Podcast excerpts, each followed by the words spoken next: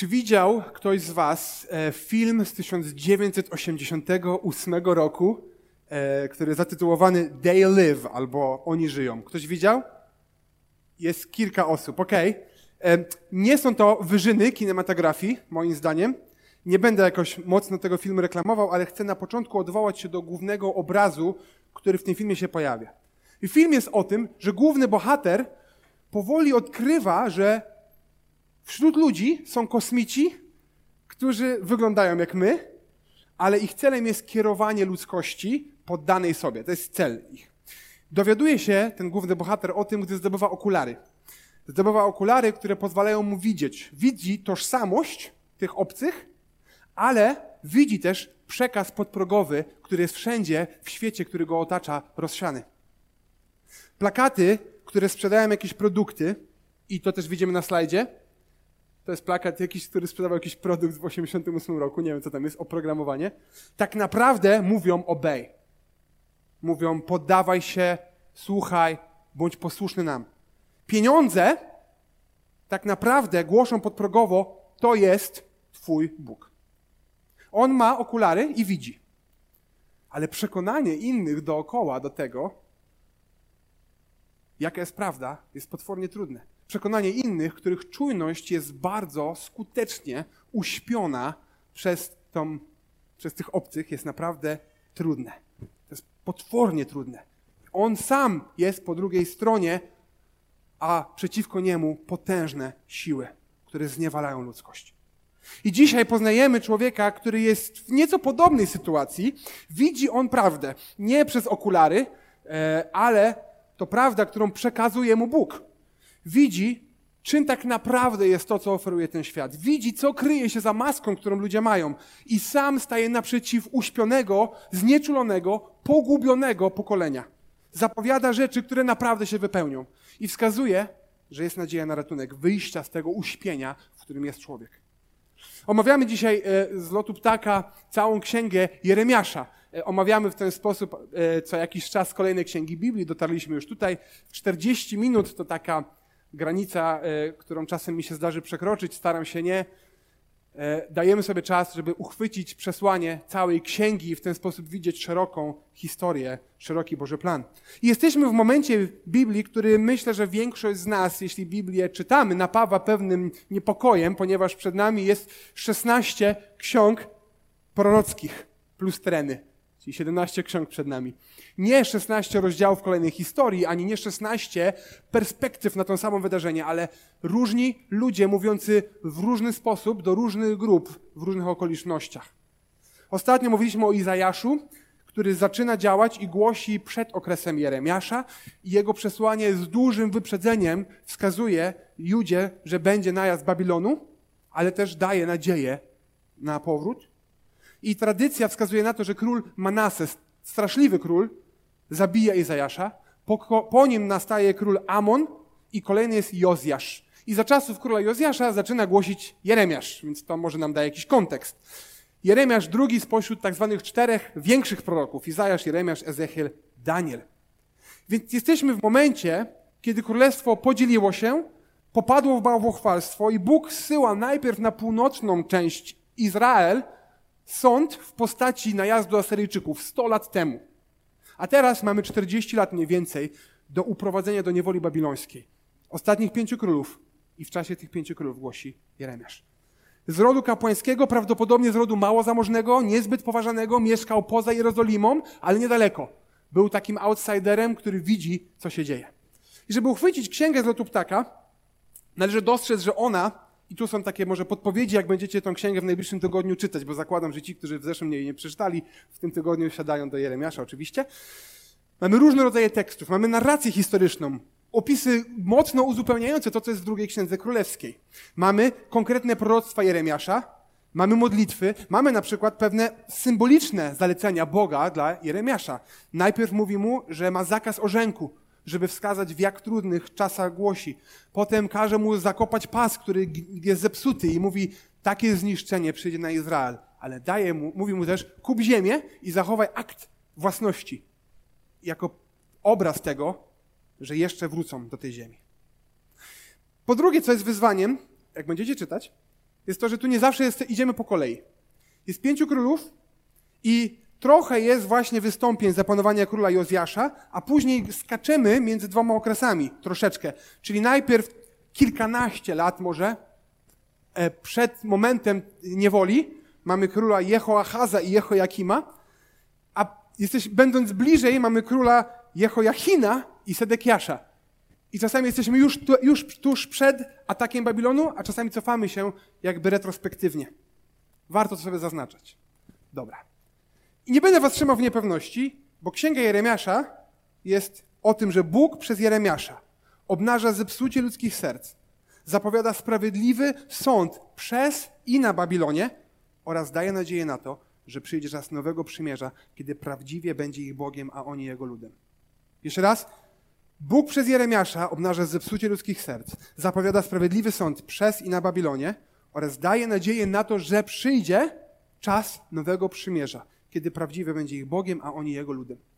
I jak mielibyśmy te 52 rozdziały uchwycić w jakiejś strukturze, to też ją tutaj wam wrzuciłem. Mamy powołanie, wstęp, później długą sekcję opisu sądu, jaki spadnie na Judę. W 30 rozdziale coś, co w naszych Bibliach jest zatytułowane czasami księgą pocieszenia. To cztery rozdziały, które są takim mocnym pocieszeniem. I później długi historyczny opis upadku Jerozolimy i tego, co się dzieje potem. A na końcu sąd nad wszystkimi narodami i epilog. I teraz otwórzmy w naszych Bibliach, tudzież w naszych aplikacjach biblijnych, które mamy oczywiście otworzone i nikt nie skoroluje żadnych social mediów, otwórzmy pierwszy rozdział Księgi Jeremiasza. I poczytamy go sobie. Nie będziemy się bardzo zagłębiać, ale ten rozdział pomoże nam troszeczkę lepiej dostrzec, o czym jest cała księga, a potem, a potem przejdziemy do myśli, jakie dla nas z tej księgi płyną. Czy do wniosków. Pierwszy rozdział Księgi Jeremiasza, rozdział, werset czwarty.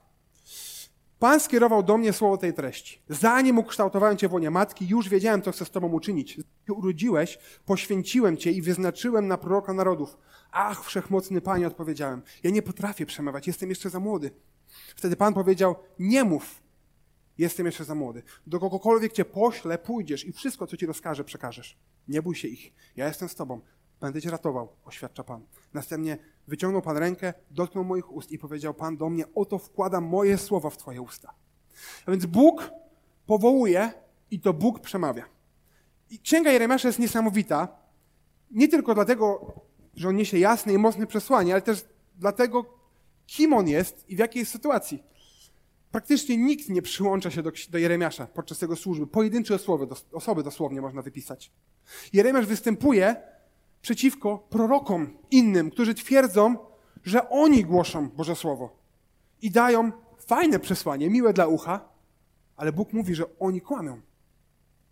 Widzimy, że to Bóg powołuje go, młodego, nieśmiałego, mało poważanego człowieka. To nie była okazja na, wiecie, jakiś zysk, to nie była koniunktura na proroków. On nie był akurat świetnym mówcą i tak wyszło. To Boże Słowo i Bóg go posyła i go ratuje. Spójrz, powierzam Ci dziś władzę nad narodami i nad królestwami, aby wykorzeniać i burzyć, niszczyć i przewracać, budować oraz sadzić.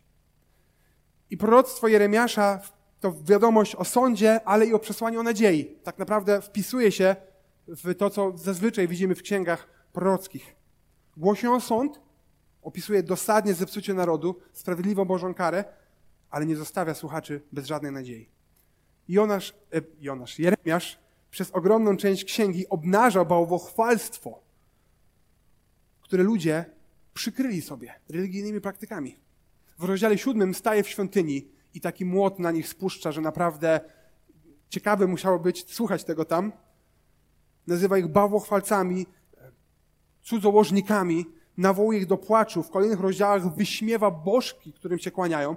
Zabiega wręcz i mówi, porwij ich jak owca na rzeź zapowiada, że Boża ręka dotknie nie tylko ich, ale wszystkich bezbożnych narodów. Ale w kilku miejscach przebija się kontrastująca wiadomość o ratunku. W 23, w 46 nie będziemy do nich szli dzisiaj, ale przede wszystkim w czterech rozdziałach od 30 do 33 w tej księdze pocieszenia. To jest kluczowy moment, kiedy wtedy właśnie, tak jak widzimy tu w 10 wersecie, Jeremiasz buduje, sadzi do, coś dobrego. I tam nie pada mglista obietnica, tam pada konkret. I skierował Pan do mnie słowa tej treści. Co widzisz, Jeremiaszu? Widzę gałązkę migdałowca, odpowiedziałem. A Pan na to dobrze widzisz, gdyż ja czuwam nad moim słowem, aby je wypełnić. Ta gałązka migdałowca odnosi się do drzewa, które pierwsze dawało owoce na wiosnę. Tak jak u nas byśmy powiedzieli, co widzisz, e, pier, pier, pierwiosnki? Tak? To znak, że idzie wiosna, prawda? Albo to, że w sklepach jest, e, e, są teraz te kolorowe lampki, to znaczy, że lada moment będzie 1 listopada, więc jakby to jest mniej więcej ten obraz. I dla nich, nie no wiadomo, że święta. Dla nich migdałowiec był takim znakiem. I Bóg wskazuje na to, żeby pokazać, że na wszystko przychodzi czas i zbliża się czas Jego sądu. I ten sąd, tak jak pewne rzeczy w naturze, jest nieunikniony. I powtórnie skierował Pan do mnie słowo tej treści. Co widzisz? Odpowiedziałem, widzę kocioł. Bucha parą i nachyla się ku nam od północy. Tak, potwierdził Pan, od północy wylewa się nieszczęście na wszystkich mieszkańców tej ziemi, bo oto ja przywołam wszystkie plemiona królestw północnych, oświadcza Pan, i przyjdą. Każdy ustawi swój tron u wejścia do bramy Jerozolimy naprzeciw wszystkich jej murów dookoła, naprzeciw wszystkich miast judzkich. Wtedy wydam na mieszkańców me wyroki za ich złe postępowanie, za to, że mnie opuścili, a kadzili obcym bóstwom i kłaniali się dziełu swoich rąk. Ty więc przepasz swoje biodra, wstań i przemów do nich. Przekaż im wszystko to, co ci ja nakazuję. Nie obawiaj się ich, abym nie napełnił cię lękiem przed nimi. Oto ja ustanawiam cię dziś dla warownego miasta żelaznym słupem i murem ze spiżu. Przeciwko całej tej ziemi, przeciwko królom Judy, jej książętom, jej kapłanom jej ludowi będą cię zwalczać, lecz nie przemogą, bo ja jestem z tobą, oświadcza Pan, aby cię ratować. Służba Jeremiasza to około 40 lat. I z perspektywy historii świata, to krótki okres, nawet z perspektywy historii Bożego Ludu w Kanaanie to jest krótki okres. To cztery rozdziały z 47 rozdziałów ksiąg królewskich, a jeszcze byśmy dopełnili to księgami e, e, Samuela i, i, i e, Jozułego, ale to ogromny okres w skali życia jednego człowieka. Jeremiasz mocno występuje, zapowiada i to nie dzieje się od razu. I ta księga daje nam wgląd w zapowiedzi, ale też w wypełnienie. Jest przebieg oblężenia. Gdy przybywa Babilon, król Sedekiasz, już teraz dochodzimy do końca księgi, jakby co, i zaraz cofniemy się i spojrzymy na wnioski. Król Sedekiasz myśli, żeby, wołać wsparcie z Egiptu, gdy już Babilon przyjeżdża. Bóg mówi, to nie ma znaczenia. Sąd i tak się wypełni. Jeremiasz, przekazując to, pobity trafia do więzienia. Potem go uwolnią, potem znowu go uwiężą. Nawołuje do króla Jeremia, żeby się poddał żeby się poddał na jeźdźcy, bo to jest nieuniknione. Aż w końcu wojsko przebija się przez mur. Król ucieka, dopadają tego króla. Ale to nie koniec. Bo lud trafia do niewoli, resztka zostaje w Jerozolimie i tam zostaje Jeremiasz. I oni mówią, dobra Jeremiasz, nie słuchaliśmy się dotychczas, to teraz nam powiedz, którędy mamy uciekać do Egiptu. On nie mówi, nie którędy, nie uciekajcie, zostajemy tu. Ludzie mówią, kłamiesz. Bóg tego nie przekazał i uciekają, biorąc go ze sobą. I tam Jeremiasz dalej głosi. Boże Słowo dla ludu. Mówi, nie chodzi o wasze rytuały, ale wasze serce, prawdziwą bojaźń przed Bogiem. I księga kończy się długą sekcją proroctw dotyczących sądu nad Babilonem i nad innymi narodami. Bóg bierze ten kocioł buchający z północy, ale potem zapowiada, że ten kocioł sprawiedliwie zniszczy. Jak znamy historię, to tak się dzieje. O czym jest księga Jeremiasza? Bóg przez Jeremiasza obnaża zepsucie ludzkich serc. Zapowiada sprawiedliwy sąd przez Babilon i na Babilonie oraz daje nadzieję na to, że przyjdzie czas nowego przymierza, kiedy prawdziwie będzie ich Bogiem, a On Jego ludem. Więc pozostaje kluczowe dla nas pytanie, czego uczymy się z tej księgi? My. I ten czas, który mi został, a mam zegarek i zostało mi czasu dużo, chcę wykorzystać, aby spojrzeć na trzy główne wątki tej księgi.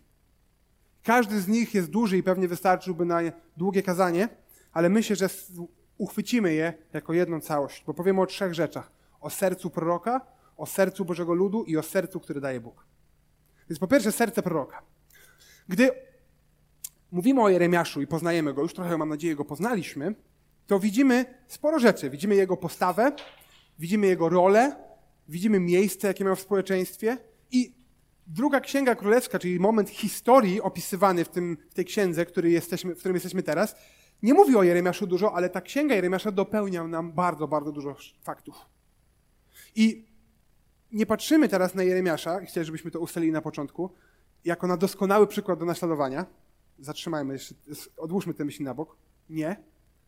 Ale warto poznać jego służbę i prawdy, jakie w niej widzimy dla nas. Jest kilka myśli, patrząc na Jeremiasza. Po pierwsze, nie zawsze był pewny swojej roli. Tak jak czytaliśmy w szóstym wersecie, ach, wszechmo, wszechmocny Panie, ja nie potrafię przemawiać, jestem jeszcze za młody. Dalej w piętnastym rozdziale już e, ogarnia go taka rozpacz. Biada mi moja matko, że mnie urodziłaś, człowieka uwikłanego w spór i walkę z całym światem. Nie jestem wierzycielem, nie jestem dłużnikiem, a jednak mi wszyscy ubliżają. Te myśli Jeremiasza, jeśli znamy jego służbę, zgadzamy się, że są zasadne.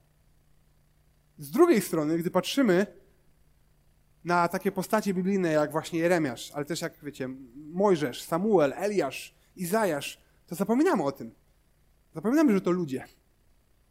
Myślimy, że oni szli do przodu bez żadnego zawahania, bez żadnego zwątpienia, ale tak nie jest. Bycie Bożym sługą nie wyklucza moich normalnych ludzkich uczuć. Jeremiasz nie jest świetnym, popularnym, ustawionym mówcą. Niewiele ma, a to, co ma, Bóg każe mu postawić na szali. I normalne jest to, że stając w obliczu upartego, zepsutego, zgubionego, bałwochwalczego narodu, czuje stres. Ja nie wiem, czy kojarzymy to uczucie. Jak mamy właśnie pójść komuś, powiedzieć, że coś zawalił, zepsuł, używając trudnych słów, powiedzieć mu, że zgrzeszył. Znamy to uczucie, że mamy do kogoś właśnie pójść? Ten stres, jak nas skręca w żołądku, może czerwienimy się, no nie, no może nie, może się wycofać. To teraz to uczucie razy milion i może poczujemy mniej więcej przed czym stoi Jeremiasz. Jeremiasz nie zawsze jest pewny swojej roli. I w naszym życiu to też normalne. To normalne, że wyzwania, które Bóg daje, mogą nas przerażać. Że możemy się czuć nieadekwatni do roli, którą dostaliśmy. Że pójście za Bogiem będzie oznaczało, że mam więcej odpowiedzialności niż miałem, a nie mniej. Mam przykład trywialny, ale szczery. Pamiętam jak, no może nie trywialny, e, ale pamiętam jak w dniu ślubu e, z moją żoną dotarło do mnie, że ja się żenię. Ja wiem, że dosyć późno, ale dotarło do mnie tego dnia, że na całe życie z drugą osobą, że będę mężem, a potem może ojcem, że mam niecałe 22 lata, czuję się na 18, że jestem studentem, który wymyśla gry, du, duże, duże LOL, czy tam XD, że, że zaczyna się coś ogromnego. I tak, mówiąc dyskretnie, lekko zasłabłem. I jak pewnie wiecie, ci, którzy mnie znają, nie, nie oznaczało to, że się odwracam, wycofuję. Czy to znaczy ta rzeczywistość tego, że to jest odpowiedzialność, że coś dużego jest przed nami, że odwracamy się od ról i zadań, które On nam daje, które wiem, że są dobre? Jeremiasz nie zawsze jest pewny. Po drugie, Jeremiasz staje do trudnej walki. Oto ja ustawiam cię dziś dla warownego miasta, żelaznym słupem i murem ze spiżu przeciwko całej tej ziemi. Przeciwko królom, jej książętom, kapłanom, ludowi. Będą cię zwalczać, lecz nie przemogą. On wie, co go czeka. Jest jeden kontra wszyscy inni. Jest Jeremiasz, jest jego skryba później Baruch, jest jego brat i jest jeszcze jeden, chyba jakiś Etiopczyk. Koniec listy. Po drugiej stronie cała Juda. Król, kapłani, cały lud. Nie tylko. Jak się okazuje, Jeremiasz staje naprzeciwko innych narodów. Oczywiście nie walczy z nimi fizycznie mieczem, ale ma proroctwo, które mówi o zniszczeniu tych narodów. Ale gdy czytałem tą księgę, to najmocniej chyba uderzyło mnie to, jak na, po drugiej stronie naprzeciwko Jeremiasza stali inni prorocy. Czytamy w 14 rozdziale. Wtedy powiedziałem, ach, wszechmocny Panie, Zauważ, co mówią im prorocy. Nie użycie miecza. Nie spadnie na was głód. Owszem, zapewnię wam trwały pokój na tym miejscu. A Pan mi, Jeremiasz mówi, odpowiedział, ci prorocy kłamią. I to w moim imieniu. Nie posłałem ich, nie przekazałem im żadnych poleceń, ani nie, nie przemawiałem do nich. Ich widzenia są kłamstwem, ich wróżby nie mają wartości, prorokują sobie przed wami nic innego jak własne złudzenie. Dlatego tak mówi Pan o prorokach, którzy prorokują w moim imieniu, chociaż ja ich nie posłałem, ponieważ mówią, miecza i głodu nie będzie w tej ziemi, dlatego od miecza i głodu pomrą oni sami. Postawmy się w miejscu Jeremiasza w tamtym momencie. Kto ma lepsze przesłanie? Jeremiasz czy fałszywi prorocy? Kto mówi o fajniejszych rzeczach? Kto mówi o zwycięstwie, a nie o porażce? Kto mówi o dobrobycie, a nie o biedzie? Kto mówi o zysku, a nie o kosztach? Kto ma więcej wyświetleń? Na YouTubie, Spotify'u. Jeremiasz jest tak starodawny, że jestem przekonany, że on w naszych czasach nawet TikToka by nie miał. Na pewno nikt znany by go do wywiadu nie zaprosił. Na pewno żadna z gwiazd wielkiego formatu nie zacytowałaby Jeremiasza na swoim Twitterze czy gdziekolwiek indziej. Kto trafi z przesłaniem do mass mediów? Jeremiasz czy fałszywi prorocy? Z pewnością ta księga powinna dać nam do myślenia, czego ja szukam. Miłej, pozytywnej zachęty czy prawdy? Motywatora, który powie mi, że moje plany, mój biznes, moje relacje ułożą się po mojemu? Czy Boga, który układa moje życie dobrze według swojego planu? I co jeśli do mnie przychodzi ktoś z trudnym przesłaniem? Z wiadomością, że pewne rzeczy ja mam niepoukładane może. Z zapytaniem o rzeczy mało przyjemne. Ze wskazaniem na jakieś uchybienie, na jakiś mój błąd, na jakiś grzech. Co wtedy? Ja nie pytam o emocje, bo emocje w takich sytuacjach często są trudne. Ale tak na chłodno, tak szczerze. Cieszę się z tego, dziękuję tej osobie, mówię, naprawdę się cieszę, że się odważyłeś, że się przełamałeś, przełamałaś, że był, i dziękuję za odwagę, że przyszedłeś powiedzieć mi to wprost. Czy raczej podświadomie, powoli wycofuję się, ucinam relacje, bo przecież trzeba się otaczać tylko ludźmi, którzy poklepują mnie po plecach. Mam nadzieję, że widzimy mniej więcej serce proroka. Spójrzmy teraz na ważny temat dla nas, czyli serce ludu. I temat serca ludu nie jest czymś, co znajdujemy tylko u Jeremiasza, ale zdecydowanie o, Jeremiasz jest jednym z proroków, u którego ten temat nie, nie da się, musimy na niego spojrzeć, jest nie do pominięcia. Trudno go ominąć, trudno nie dostrzec, jak on opisuje stan swoich słuchaczy. I naprawdę, gdy to czytamy, liczę, że przyjrzymy się temu, tym opisom szczerze, z otwartym sercem. Dlaczego? Pierwsze dlatego, że nawet jeśli jestem uczniem Jezusa, jestem uczniem, jestem Bożym dzieckiem, to może pogubiłem się w tym, kogo naprawdę wielbię. Ale z drugiej strony, może tak naprawdę moje serce jest daleko od Boga. Może robię jakieś religijne rzeczy, może robię religijne rzeczy na pewno, bo jestem tutaj teraz, prawda? Może właśnie z tyłu głowy sobie odhaczam religijność w moim życiu. Jeszcze, o, tak głośno krzyczy, to taka duża religijność była. Ale tak naprawdę nie jestem jego dzieckiem. Co z twoim sercem? Przebiegnijcie ulicę Jerozolimy, rozejrzyjcie się, sprawdźcie dokładnie na jej placach, czy znajdziecie tam kogoś, czy jest tam ktoś, kto postępuje zgodnie z prawem, kto szuka prawdy, a przebaczy całemu miastu. Chociaż zapewniają, jak żyje Pan, to niestety przysięgają fałszywie. I dalej, czy nie jest tak? Kradniecie, mordujecie, cudzołożycie, składacie fałszywe przysięgi, spalacie kazidło Baalowi, służycie innym bogom, których nawet nie znacie, a potem przychodzicie, stajecie przede mną w tej świątyni, nosząc moje imię, mówicie, jesteśmy cali i zdrowi. Po to, by trwać przy swoich obrzydliwościach. Traktujecie tę świątynię, nosząc moje imię, jakby była jaskinią zbójców. Powinno nam się tu skojarzyć, gdzie, gdzie ten fragment się pojawia w Nowym Testamencie. Nie będziemy tam dzisiaj szli. Owszem, ja to widzę, oświadcza Pan. I moglibyśmy przeczytać jeszcze kilka fragmentów z tej księgi. Mam nadzieję, że widzimy ten obraz. Lud, który deklaruje pewne rzeczy, używa pobożnych haseł, wygląda na wierzących, ale tak naprawdę wielbi fałszywych bogów. I zastanówmy się teraz, gdy my myślimy o bałwochwalstwie, czyli wielbieniu bałwanów, czyli bożków, to co myślimy sobie? Albo w ogóle, gdy myślimy o bożkach dzisiaj, to co myślimy? Jaki mamy obraz? Bardzo łatwo jest nam usiąść, pomyśleć, porozmawiać, pośmiać się wręcz z tych starożytnych bożków, z Dagona, ryboczłowiek, figura ryboczłowieka, no umówmy się. Prawda? Pośmiać się z ich rytuałów, z ich praktyk, co oni tam odstawiali. Jakichś dziwnych, abstrakcyjnych rzeczy. No, ale gdy mówimy w XXI wieku, łatwo nam jest powiedzieć o bałwochwalstwie, powiedzieć, no to są te horoskopy, to jest, to jest dzisiaj bałwochwalstwo beka, prawda? Tak jak na tym memie, mamy tu mema. Jaki jest twój znak zodiaku? Wiadomo, dinozaur. To nie jest prawdziwy znak zodiaku, żaden nie jest prawdziwy. Ale uczciwie rozejrzyjmy się, co jest bożkiem w XXI wieku dzisiaj. Co jest bożkiem w naszym otoczeniu? Bóg bogactwa. Ile zarabiam, ile mam na koncie, jakie mam auto, jakie mam iPhone'a, jaki mam dom, jakie mam fancy nowe ubrania. Ona ma chyba gorsze. Ile mam gadżetów? O, ona nowego smartwatcha, muszę sobie kupić smartwatcha, prawda? Ile ich dzieci mają zabawek? My mamy chyba mniej. Jutro musimy kupić, żeby mieć więcej. Bóg sławy. Ile mam lajków, followersów, wyświetleń. Może ja też będę influencerem. Ludzie mnie pokochają, mam tyle do przekazania. Ja. Bóg piękna. Fajnie, że poszliśmy gdzieś razem. Fajnie. ale ogólnie jak nie zrobimy sobie ładnego zdjęcia, to jakbyśmy nie wyszli. Spędzę dzisiaj trzy minuty na modlitwie i czytaniu słowa i to tak raczej niechcący przy śniadaniu. Ale w łazience się będę szykować 60 minut, godzinę będę w sklepie z kosmetykami i dwie godziny szukać nowych kreacji. Bóg rozrywki. Jakby dzisiaj mnie ktoś zapytał w kościele o to, żebym coś poprowadził, to bym chyba nie powstrzymał pasknięcia. Ja mam coś poprowadzić w kościele?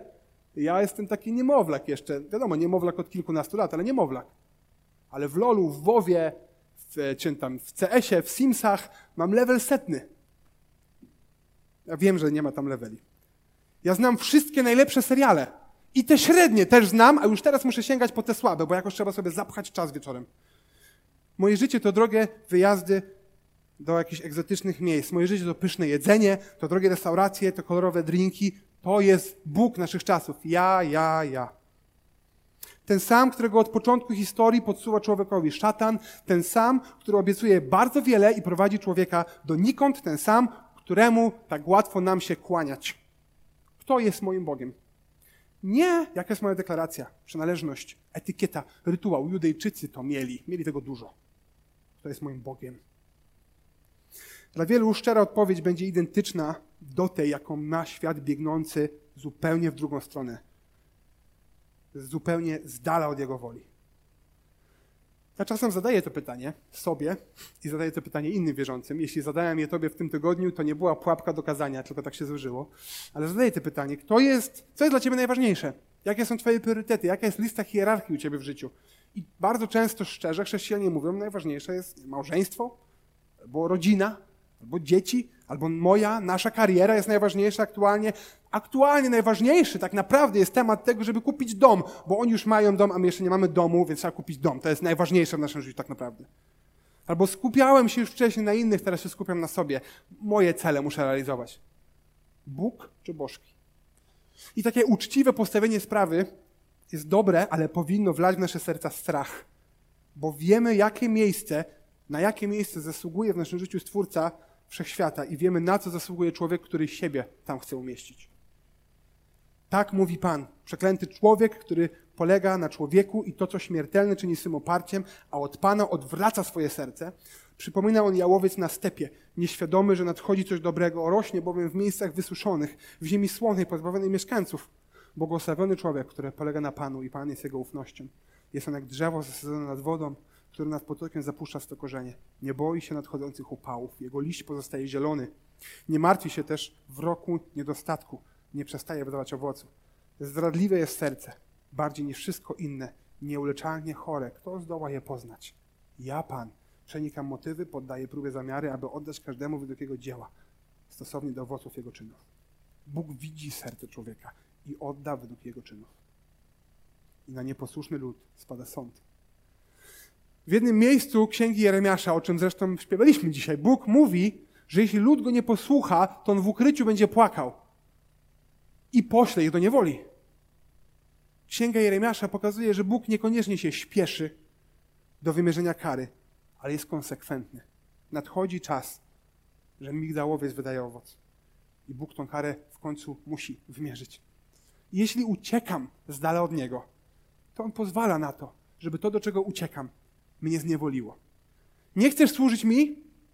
Bóg bogactwa, kariery, sławy, relaksu, małżeństwa, dzieci, spełnienia marzeń, fajnych wakacji, akceptacji grupy znajomych jest dla ciebie prawdziwym Bogiem? Proszę bardzo, to cię zniewoli.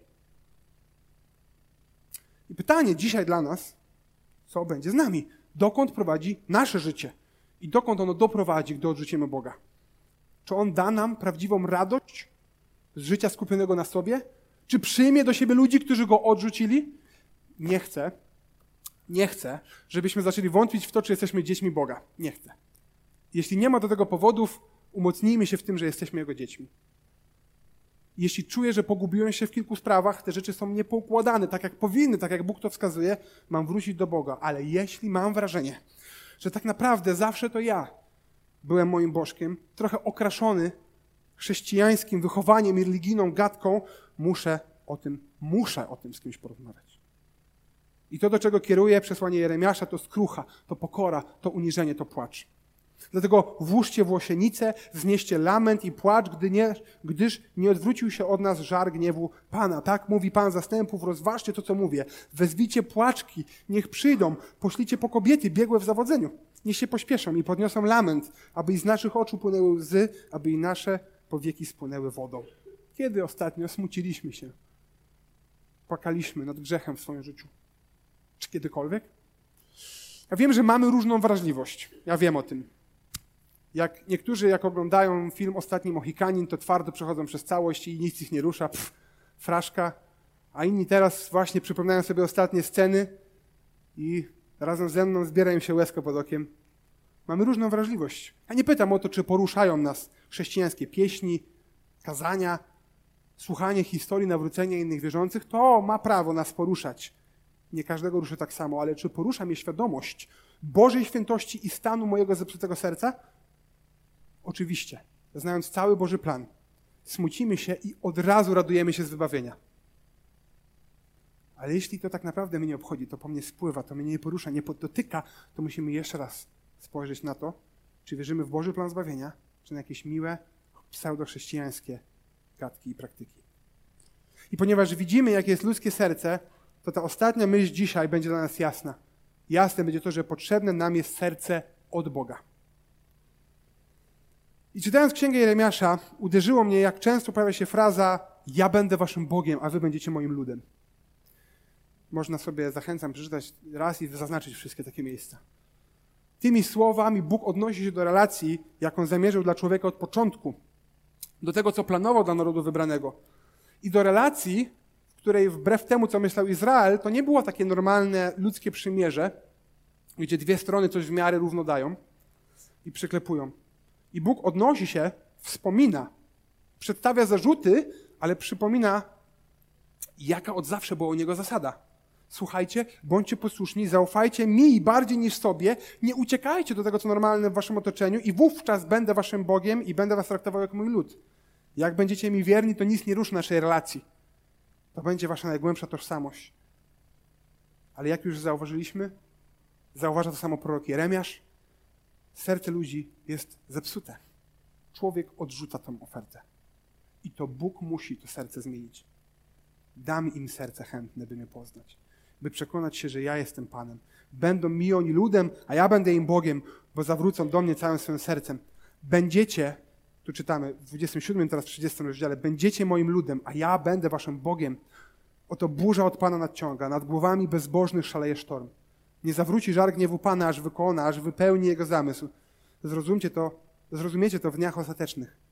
W tym właśnie czasie, oświadcza Pan, będę Bogiem wszystkich plemion Izraela, a one będą moim ludem.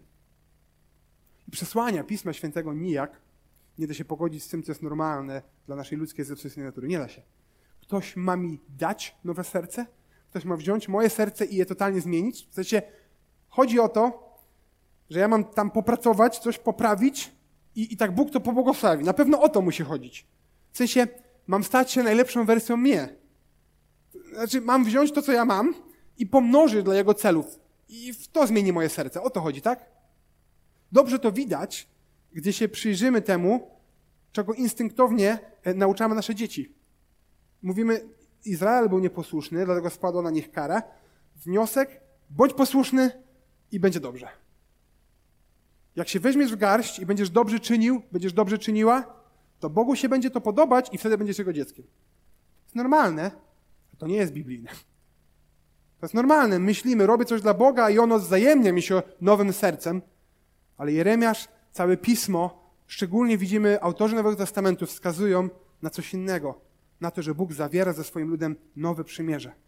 Oto idą dni, oświadcza Pan, gdy zawrę z domem Izraela i z domem Judy nowe przymierze. Nie takie, jakie zawarłem z ich ojcami w dniu, gdy ich ująłem za rękę, aby ich wyprowadzić z Egiptu. Tamto przymierze ze mną oni zerwali. Chociaż ja byłem ich Panem, oświadcza Pan. Teraz jednak zawrę z domem Izraela takie przymierze, oświadcza Pan. Moje prawo włożę w ich wnętrza i wypiszę je na ich sercach. Ja będę ich Bogiem, a oni będą moim ludem. Nie, oni w końcu wypiszą sobie prawo na swoich sercach ogarną się, wyciągną wnioski, poprawią stare nawyki. Ja, Bóg, wypiszę to na ich sercach. Ze względu na moje dzieło, na moją moc, na moją chwałę, na mój plan, ze względu na moje imię, będę ich Bogiem. I ze względu na moją łaskę, na moje miłosierdzie, ze względu na krzyż mojego syna i skuteczne działanie ducha, oni będą moim ludem. Podsumowując, Jeremiasz staje naprzeciwko pokolenia pustych słów i powierzchownej religijności. Głosi i ponosi tego koszty. Głosi stojąc naprzeciwko, naprzeciw fałszywej nauce, nieprzychylnym kapłanom, królom. Głosi Boże Słowo, które obnaża zepsute ludzkie serce, zaślepione bożkami, standardami, praktykami, które, otacza, które są normalne w otaczającym świecie. Obnaża serce, które siebie stawia na tronie życia, wypraszając stamtąd Boga. Konfrontuje zepsuty lud, który zasługuje na sprawiedliwy sąd, zniewolenie tym, czemu się poddają. I wskazuje, że potrzebują oni serca od Boga. Nie serca podobnego do Boga, ale takiego, które sam Bóg im da w swojej łasce. I czytamy w 20 rozdziale, gdy Jeremiasz wygłaszał to proroctwo, przysłuchiwał mu się Pasz, Paszchur, syn Imera, był on kapłanem. Stał na czele służby pilnujących porządku świątyni Pania. Rozkazał on wychłostać proroka Jeremiasza i zakuć go w dyby, które znajdowały się w górnej bramie Beniamina przy świątyni Pana. Jeremiasz jest niesamowitą postacią biblijną. Ale zamiast myśleć, jak brać przykład z niego, albo zanim o tym w ogóle pomyślimy, najpierw powinniśmy spojrzeć szerzej niż jego historia. Dlatego, że obraz służby, powołania, działania, serca proroka Jeremiasza zapowiada większego proroka, który miał nadejść. I ten prorok był pewny swojej roli, ale będąc człowiekiem też się bał tego, co nadchodzi. Przyszedł też do zgubionego ludu, mówić również o Bożej sprawiedliwości, obnażyć zepsute serca. Przyszedł mówić, że ratunek będzie, będzie inny niż ludziom się wydaje. Nie będzie tak wyglądał. I ostatecznie nie tylko zostaje uwięziony i wychłostany, ale umiera straszną śmiercią, aby Boży lud nie musiał cierpieć sprawiedliwej kary. I to przez krzyż, i to przez Chrystusa, i to przez Jego ofiarę. Bóg daje nowe serce dla swojego ludu.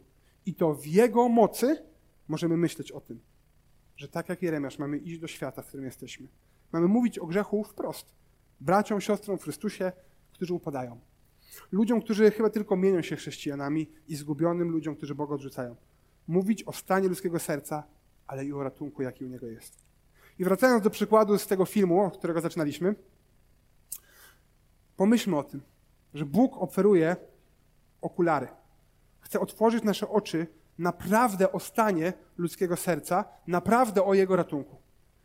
I niejednokrotnie łatwiej, przyjemniej, lżej jest żyć bez tych okularów poddać się temu, co nam świat. Wybrać niebieską pigułkę, jak to mówią.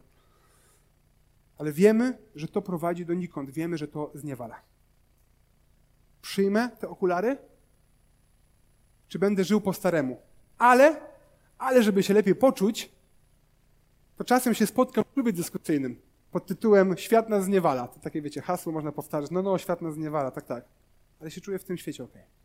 Innymi słowy, czy ja bogactwo, sława, relacje, rozrywka, kariera, ja pozostanę panem mojego życia i dopiszę do tego trochę religijności, czy rzeczywiście zegnę kolana przed Bogiem. A gdy już te okulary od Niego dostaliśmy, On otworzył nasze oczy, pokazał nam nasze serce i Jego ratunek. Co z tym zrobimy? W ogóle mam tu jeszcze scenę z tego filmu jedną. O nie widać tutaj. Widać, że on go trzyma i tam ciśnie, on ma okulary? Tam jest taka scena, że oni się biją prawie 6 minut. Film jest krótki, a gościu się leje z nim 6 minut i w końcu z siłą zakłada mu okulary.